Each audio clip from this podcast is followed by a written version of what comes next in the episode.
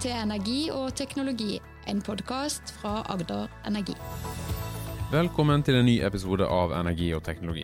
Mitt navn er Harald Wengen. I denne episoden snakker vi med Petter Gulli og Kristin Dale.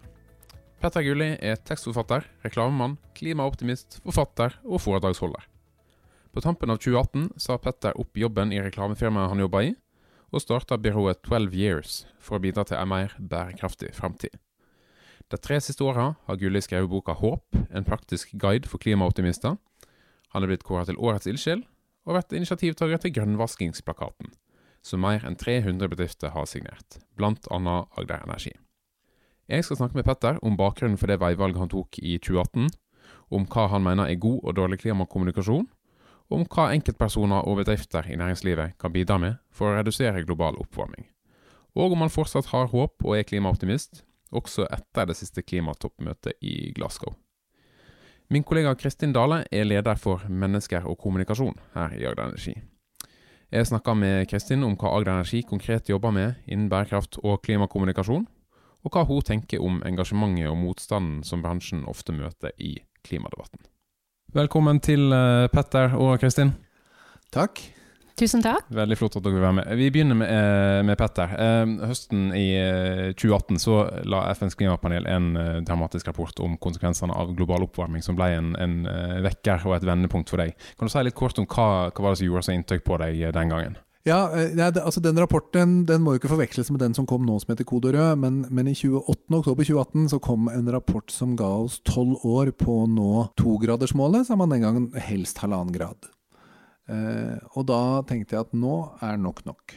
Så da sa jeg opp jobben min i reklamebransjen. Eller turboen på forbrukermaskineri, som jeg liker å kalle det. Der hadde jeg vært i 30 år. Hadde jobbet med bærekraft og markedsføring en god stund allerede. Men da tenkte jeg at nå skal jeg bare jobbe med det. Da sa jeg opp jobben, og så har jeg ikke sett meg tilbake siden. Og Hva er det som måtte heve deg på den uh, veien? Nei, det, det, det, er et par ting, da. Uh, det har nok en sånn fra langt tilbake en greie med at jeg har opplevd at uh, Altså, jeg jobber mye med, snakker mye om klimakommunikasjon. Uh, naturligvis fordi jeg kommer fra reklame og kommunikasjon, men også fordi jeg En gang for lenge siden så var jeg noe som het Ungdom mot atomvåpen. Og da var jeg så oppgitt over egentlig alle medlemmene våre, fordi vi skulle ha flest mulig medlemmer, men alle så ut som blitzere. Så vi hadde et kommunikasjonsproblem å få folk med, og det samme opplevde jeg at miljøbevegelsen har litt.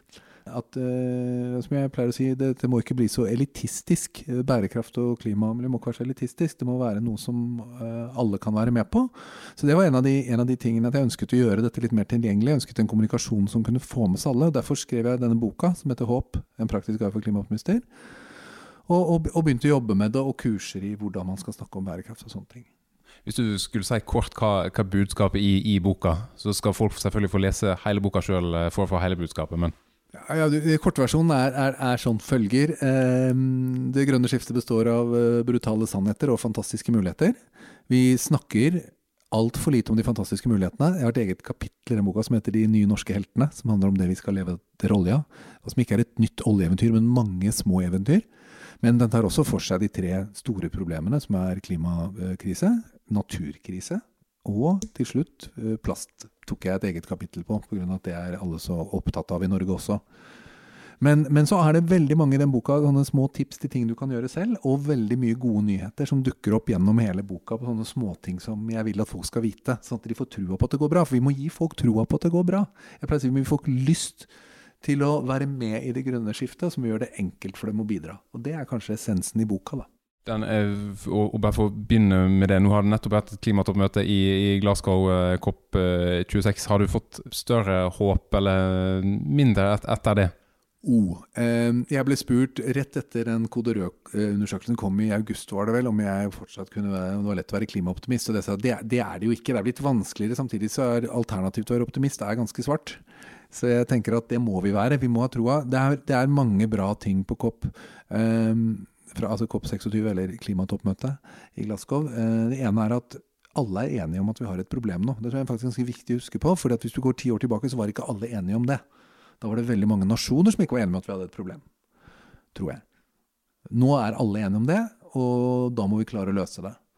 Uh, og, det og så er det satt veldig tydelige klimamål India 2070 og Kina 2060, mens alle andre er på 2050 eh, på eh, null, eh, netto nullutslipp. Og så, høres det ut som Kina og India er noen treiginger. Husk på at de skal ha en velstandsutvikling som vi har allerede. Det er helt andre forutsetninger. Jeg syns det er fantastisk. Og dessuten, når vi har de målene, det er da vi kan begynne å sette handling. Men så må, må, vi ha handling. Og så har det skjedd mange andre fine ting, som dette skoginitiativet, hvor 100 land har blitt enige om en avtale mot avskoging. Ti land går inn med voldsomme summer. Vi ser en, I parallelt til COP har det vært flere sånne næringsliv, NGO og myndighetssamarbeid. Som, som skaffer veldig mye penger. Det kommer til å bli pøst penger inn i teknologi, bl.a. For for å fange karbon, og det er gode nyheter. Så ja, jeg er betinget optimist. Og som Raymond Johansen i Oslo sa, og det er et sterkt ord. Ja, ja, men betinga optimist er bedre enn uh, det motsatte. Og, og, så er du inne på at det at alle er enige om problemet, og gjør at alle nå snakker om, om bærekraft og klima, og hvordan en skal kommunisere om det. Altså, og så er det litt vanskelig å si hva, hva betyr bærekraft, hva betyr klima, hvordan skal en kommunisere om det? Hva legger du i det sånn uh, for din del? Altså, jeg, jeg, er litt lei av å bruke dette ordet bærekraft. for det, det så, jeg, jeg, liker jo et bedre ordet samfunnsansvar. Øh, så jeg prøver å si bærekraft og samfunnsansvar sammen. Øh, og så det, altså skal jeg ikke tøyse med det at jeg øh, For jeg, jeg, kan bli litt tøysete på det at jeg ikke liker ordet bærekraft, men det misbrukes av så mange. Men det jeg, det jeg er mest opptatt av, er at selskaper ikke skal gå ut og si de er bærekraftige. For jeg tror ikke det finnes et eneste bærekraftig selskap i verden. All produksjon av varer og tjenester har et eller annet avtrykk på kloden. Det må vi bare være klar over. Men at man jobber med bærekraftsmål, med at man jobber med å Bare gå inn på bærekraftsmålene, være konkret og se på det. Så, så tror jeg man eh, veldig viktig at man snakker om løsninger. Løsninger, Folk trenger ikke høre om klimaproblemene, de trenger å høre om løsningene. Nå vet alle om klimaproblemene. Alle vet at vi trenger en mer bærekraftig verden, eh, men vi må snakke om hva vi har tenkt til å gjøre. Mm, undersøkelser som heter Eh, forbruker bærekraftsopinion i 2020 den målte også folks kjennskap til bærekraftsmålene. Det kan være greit å vite. Da var det bare 15% som kjente til dem. Så det å snakke om de konkrete bærekraftsmålene, sånn, eller snakke om dem som vi følger bærekraftsmålene, bærekraftsmålene ditt og datt, det, det er sikkert fint, og det er, det er, fint i årsrapporter og steder hvor folk faktisk skal lese om den, som er opptatt av det. Men når det gjelder å få med seg folk og ansatte, Eh, så tenker jeg det er mye bedre å snakke om de konkrete tingene som ligger bak bærekraftsmålene. Hva vi egentlig, hva vi faktisk skal oppnå, da. Og hvilke løsninger vi skal skape. Mm. Uh, og, og da, da kommer en jo litt inn på Agder Kristin er jo en, uh, en bedrift som, som uh, driver en kommersiell virksomhet og, og, har satt våre egne bærekraftsmål. litt sånn overordna hvorfor bærekraft eller samfunnsansvar er viktig i vår virksomhet. Vi, vi, produserer jo fornybar energi som er en bærekraftig virksomhet, ville, vil vi si, men så har en òg satt seg konkrete bærekraftsmål. Litt, litt, sånn fra starten av hvorfor det er viktig for oss likevel å, å ha fokus på det.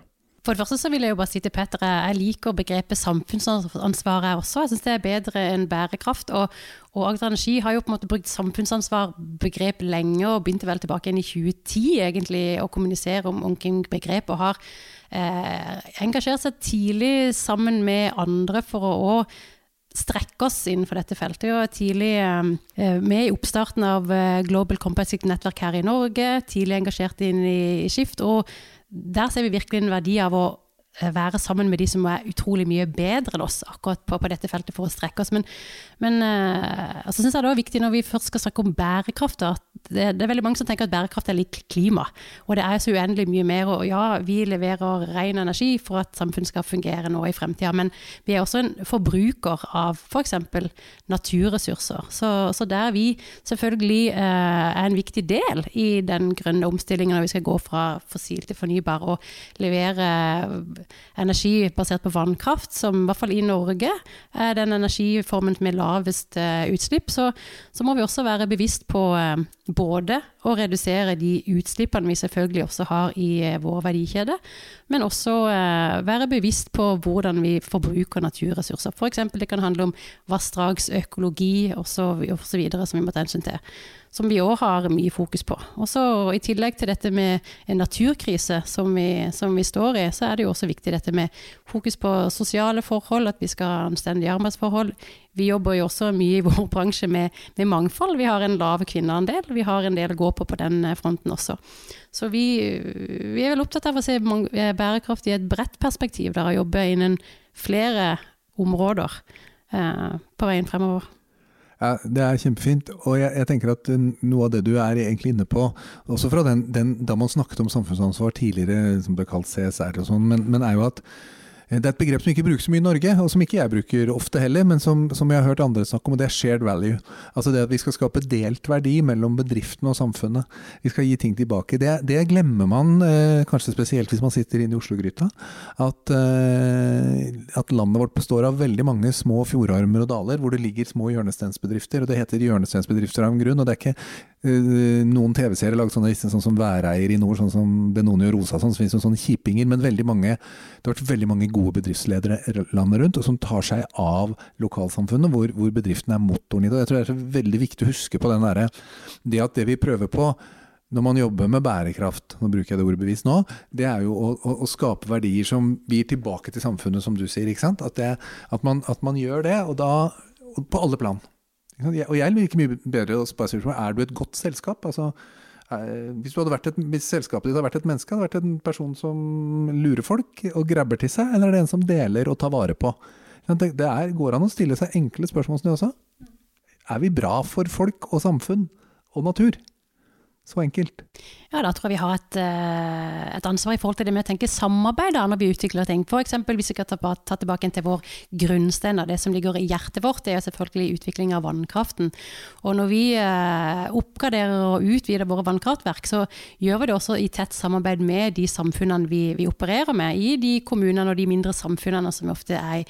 Og utvikler f.eks. Eh, bedre veier og bedre infrastruktur sammen med de kommunene vi opererer i. Så der tror jeg òg det å skape litt sånn vinn-vinn-situasjoner, da. Og, og, gjøre gode ting for uh, både klima, miljø og samfunnet vi er en del av. Tror jeg er viktig for å, for å lykkes. Så um, vet jeg, Petter, du er, du er, jo eh, opptatt av Vi snakker om at en slenger rundt seg med begrepet bærekraft, og at det er mange påstander eh, om det. og Det er litt av bakgrunnen for at du, du har engasjert deg i å lage en, noe som heter Grønnvaskingsplakaten, som nettopp tar opp eh, en del av det. Kan du si litt om både bakgrunnen for det og, og, hva som er budskapet der? Ja, altså Det hele startet da med eh, Elkjøp, som hadde en eh, kampanje som het Green Weekend. Eh, og da var det jo noen, ikke jeg, men noen andre flotte unge jenter faktisk, som eh, ble veldig opptatt av, eller fant ut at hva er dette her for noe? Det høres ut som det skal være klima- og miljøuker. Men det var det ikke, det var bare egentlig den vårlige søsteren til Black Friday. Uh, og da skrev de og jeg, uh, og vi var fem stykker som skrev et innlegg i Finansavisen som het uh, 'Keiserens grønne klær'. Utfordret derfra Virke og utfordret Skift, og det ble skrevet et motinnlegg og et motinnlegg. Og så ble vi enige om at nå lager vi en grønnvaskingsplakat. Og bak den, det er viktig å, å si, vi var fem initiativtakere, men, men men det er Skift, næringslivets klimaledere, som på en måte eier den. Men bak står også Framtiden våre hender, eh, WWF, Verdens naturfond, og Miljøstiftelsen Zero. Og viktig tilleggspoeng, vi definerer grønnvasking til å være markedsføring eller fremming av produkter eh, ved å påstå at de er bedre enn de er i forhold til klima, miljø, menneske og dyrevelferd. Sånn at vi har med oss menneskeperspektivet vi har med dyreperspektivet inn. Eh, for Ellers kunne man brukt ord som SDG, Det er så mange andre sånne SDG-vasking og dyrevasking og, og, sosial menneskevasking. Altså, ja, ok, Det betyr andre ting, jeg vet det, jeg har aldri brukt de ordene før. Jeg bare prøvde nå, det funka dårlig. Men, men, poenget er at det, det, det, finnes så mange sånn, sånn bærekraftsvasker nå, så vi bare, vi bare, bestemte at vi bruker begrepet grønnvasking. Hadde med oss Framtiden i våre hender og, og, og, de andre organisasjonene som de som har mest med sosial bærekraft der, med på det. Og så har det blitt denne plakaten på ti punkter, som er en kjempebra veileder også å lese hvis du er opptatt av hvordan du skal kommunisere ærlig og effektivt rundt alle bærekraftsmålene. Men eh, kan jeg bare spørre om en ting, Petter? For jeg tenker tilbake til dette med, med, Black Friday og Green Weekend. og Nå er det jo også noe som heter Singles Day, og det, nå er det jo også snart jul likevel. Eh, jeg tenker, Skal vi virkelig få til en endring, så er det oss som forbrukere som faktisk må endre våre innkjøpsvaner og våre holdninger og vår atferd. Hva, hva, tror du skal til da, for at vi, at vi klarer å velge rett? Ja, det er, oi, det var, nå skal jeg det er mange svar på en gang, tror jeg. Eh, det er lov med lange svar. Det vi kan, som du er inne på som forbruker, og jeg, jeg pleier å si at hva kan vi gjøre? Spør, og jeg, denne boken jeg skrev, var jo skrevet til folk flest om hva de kan gjøre, men de måtte få hele bakgrunnen. Og, da, og jeg avslutter boken med å si at det er egentlig ikke mer enn to ting. Jeg har rettet det til tre nå, så blir det spennende. To ting. Det ene er å bruke stemmeretten din når du går til valg, og stemme på noen som du mener har en god klima- og miljø- og menneskepolitikk. Det er opp til deg hvem det er. Eh, det andre sier bruk uh, vis, eller bankkortet ditt eller betalingskortet ditt som stemmeseddel. Sånn du kjøper varer fra produsenter som er bra. Det er opp til deg å finne ut hvilke produsenter det er. Men det er også da, inn i den gata, for å svare litt på det du spurte om, eh, opp til myndighetene å faktisk sørge for at det kommer et regelverk på plass som gjør at det ikke går an å påstå at noe er bedre enn der, eller mer grønt enn der. Sånn at det blir lettere. For nå er det vanskelig for forbruker. Åtte av ti nordmenn sier ifølge Opinions forbruker og bærekraft at de ønsker å leve mer bærekraftig enn de gjør i dag. Åtte av ti sier det, men den største barrieren er at de ikke vet hva som er bærekraftig.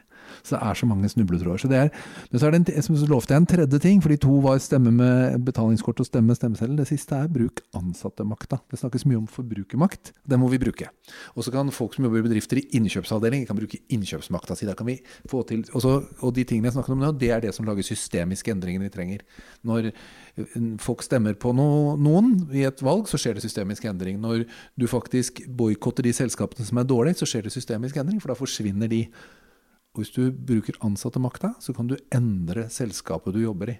Eh, det sies at eh, han, eh, Steve Bezos i Amazon da de gikk ut med veldig tydelige og, og kraftige klimamål for ja, ett eller to år siden, så var det for at de ansatte pressa det fram. Han har jeg skal ikke si at ikke han hadde tenkt å gjøre det, for da får jeg sikkert noen etter meg, men, men, jeg vet i hvert fall at det var veldig mye snakk om at det var de ansatte som hadde pushet frem dette her. Så det, det tror jeg er kjempeviktig. Vi kan ikke skyve alt opp på forbrukerne, men forbrukerne, vi må kreve som forbrukere, som ansatte, som folk. Det, det, det, er jo ulike roller der. Det, det, kan vel bli for stort ansvar for den enkelte hvis det blir fullstendig opp til den enkelte forbruker som, som kunde å skulle orientere seg. Det, er kanskje litt av formålet som en sånn grønnvaskingsplakat skal, eh, skal hjelpe til. Ja, ja og så tror jeg vi må, vi må, innse hvilket utrolig viktig eh, poeng myndighetene har. Eh, spurte hva, hva, som motiverte meg, hva som startet alt dette her. Eh, en eh, ting som gjorde at jeg virkelig våkna, det var da en som sto meg ganske nær, sa jeg tror ikke det er farlig før Jens sier det. Da var Jens Stoltenberg statsminister, var var i 2006 da Al Gore kom med Inconvenient Truth. Jeg tror ikke det er farlig før Jens sier det. Det var sånn å, fy faen, det er den viktigste innsiden. Eller jeg tror ikke folk Hun sa jeg tror ikke folk tror det er farlig for Jens sier det. Og det betyr at ja, men hadde det vært så farlig, så hadde jo de voksne tatt ansvar. Da hadde regjeringen gjort det. Hadde det vært så farlig, så hadde Jonas og Erna satt seg sammen og dannet en flertallsregjering. Men det kan jo ikke være så farlig når begge de to sier at vi skal fortsette å pumpe olje. Og det tror jeg er den største bremsen på hele det norske folk og alle. Det er at de som vi har satt til å bestemme, de sier ikke at dette er farlig nok. Eller de sier det, men det de gjør i handling, og vet alle som foreldre vet jo hva som skjer når vi sier én ting og gjør noe annet. Hva barna våre gjør da. Så jeg tror at det er kanskje den største bremsen, og den glemmer folk å snakke om. For de sier at det er næringslivets oppgave, det er forbrukernes oppgave. Nei, det er pokkeren, sorry. Det er de som styrer sin oppgave, å faktisk ta ansvar nå. Nå må de skjerpe seg. Takk for den, Mopp. men det, det er, Da ble jeg litt engasjert og sint, kjente jeg. Det, det, er lov. Og så er du òg opptatt av at bærekraft skal, det skal ikke bare være noe som er både ytre, men det må òg sånn inn i forretningsstrategien til alle typer virksomheter. Hvis du kan si litt nærmere om det, kanskje? Ja, altså, det er jo, og det er jo grunnen til at jeg er sånn opptatt av at dette bærekraftsordet ikke må kastes rundt seg. og det er en av grunnen til at vi laget grønnvaskingsplakaten også, er jo at sant, det er så mange eh, som reiser under falskt flagg og løper rundt. Og, og, det kan gå ordentlig gærent for selskaper også hvis de gjør det. Vi har en av punkt to i, i grønnvaskingsplakaten er noe sånt, sier noe sånt som at eh, ikke la bærekraftsarbeidet starte i eh, markeds- og kommunikasjonsavdelingen. Det er overraskende mange bærekraftsjefer som er, eh, som er bærekraftsansvarlige, som er tidligere kommunikasjonssjefer. Det kommer nok av at det var de som lagde bærekraftsrapporten i sin tid.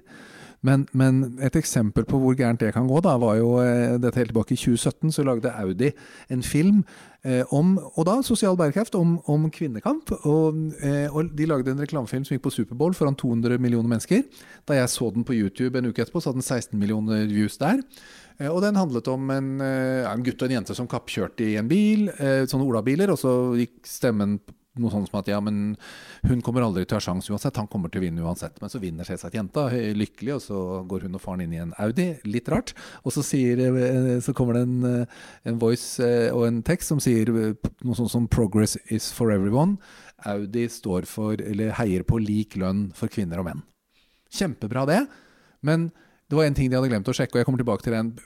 Utgangspunktet for den filmen ble laget, var nok at akkurat i 2017 så var det et voldsom trend å lage internasjonalt for store selskaper å lage noe på likestilling. Så det gjorde Audi også, men de glemte å sjekke en viktig ting, og derfor så fikk de en bumerang i uh, huet. For det viser seg at Audi hadde færre kvinner enn noe annet bilselskap i USA i ledende stillinger. Og, sånn, og da blir det så innmari klønete, og da fikk de den i bakhuet. Men de vant jo sånn Femvertising-prisen det året og sånn, så det sånn Det har vært mye markedsføring av ting som liksom er bra, da. Så, så, men det må inn i forretningsmodellene, og det må inn i, i, eh, i Og det må være, det må være laget fra bånn. Det må sitte i drivkraft, det må sitte i kultur. Det må, det må sitte i selskapets uh, grunnsteiner, egentlig. Må, og vi, vi må lage nye forretningsmodeller, forretningsstrategier. Vi ser jo det. Det popper opp den ene eh, forretningsstrategien etter den andre. Ting vi aldri hadde tenkt på. Nå kan du leie biler, du kan leie klær, du kan Ikke sant? Vi kommer til å se helt annerledes på ting.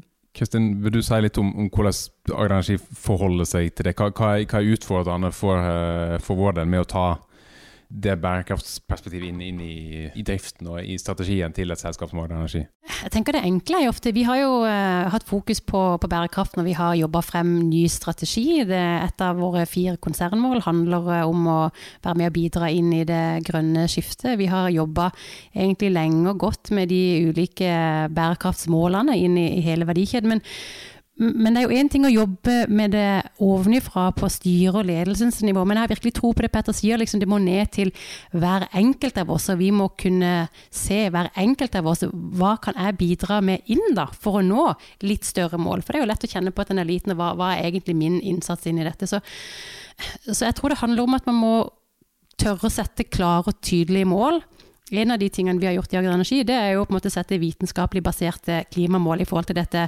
science-based targets på, på, godt norsk i kveld, hvor vi har forplikta oss til å redusere klimagassutslippene våre eh, med 50% og ned mot 1,5-gradersmålet i, i Parisavtalen.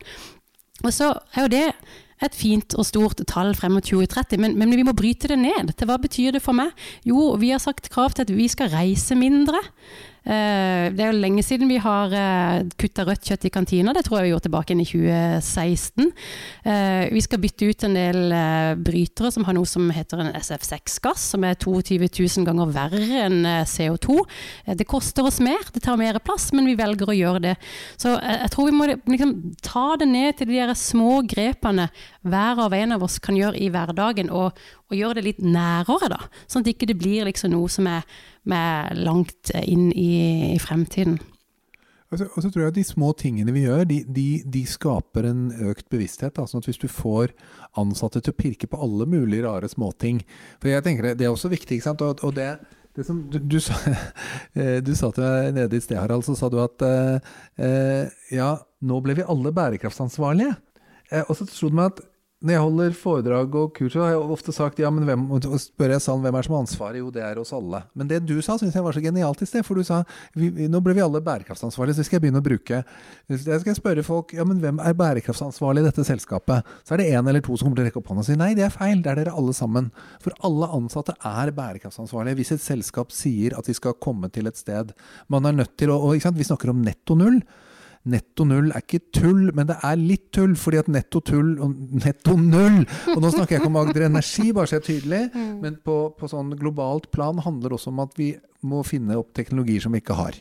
Ikke det betyr at vi er nødt til Noen sier ah, men det spiller ingen rolle hva lille jeg gjør. Jo, alt.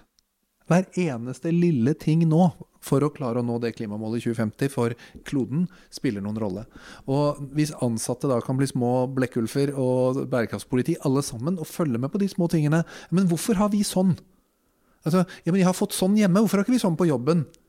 Altså, at man begynner å stille de spørsmålene. At alle sammen er med i den der. Og så er det ledelsens ansvar. Og ja, ja, ja. Men de ansattes jobb er å følge med og spørre og utfordre ledelsen. Altså, et av de beste mest demokratiske samfunnet, som synes er de beste bedriftsdemokratiene i verden også i det landet her. Og det må vi bruke.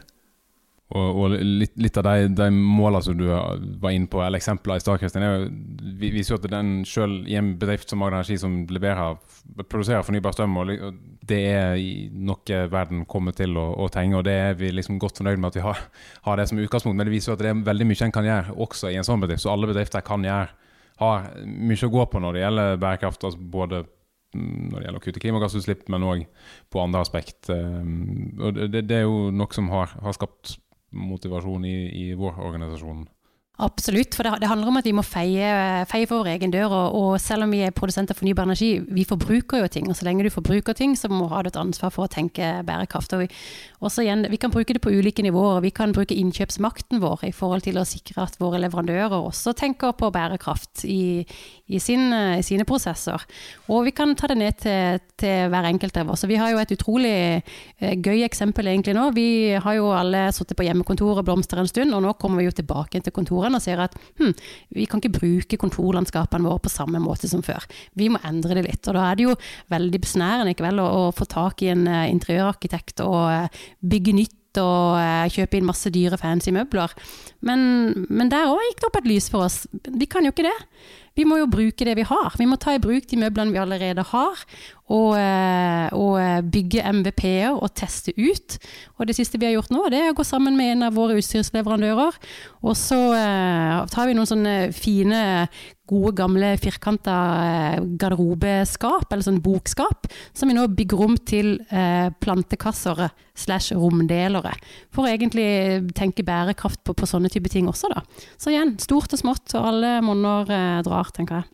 Fra det små til det store, holdt jeg på å si, men for, for, å ta det enda og, eh, liksom opp igjen, så er det til det, det med å produsere energi er veldig Altså, det, det krever arealer, det krever ressurser. og den eh, debatten blir jo stadig mer heftig. Jeg har hatt en veldig kraftig vindkraftdebatt i, i Norge siste år, som Agder Energi ikke er involvert i for så vidt. Men, men all energiproduksjon krever jo eh, ressurser og har på en eller annen måte en kostnad. Altså litt, Kanskje det til deg, Petter, først. Hvordan kan en kommunisere rundt sånne, sånne dilemmaer? For det er åpenbart en Det er ikke kun gode ting med energiproduksjon, og det vil, det vil alltid finnes eh, motstand. Ja, og jeg tror jo det gjelder jo alle bransjer. Og jeg, jeg tror jo altså, jeg, Når jeg jobber med kommunikasjonsbiten, da, så, så, tenker jeg at uh, vi er en sånn god norsk ting som funker her og ikke alle andre land, og det er at man er ydmyk.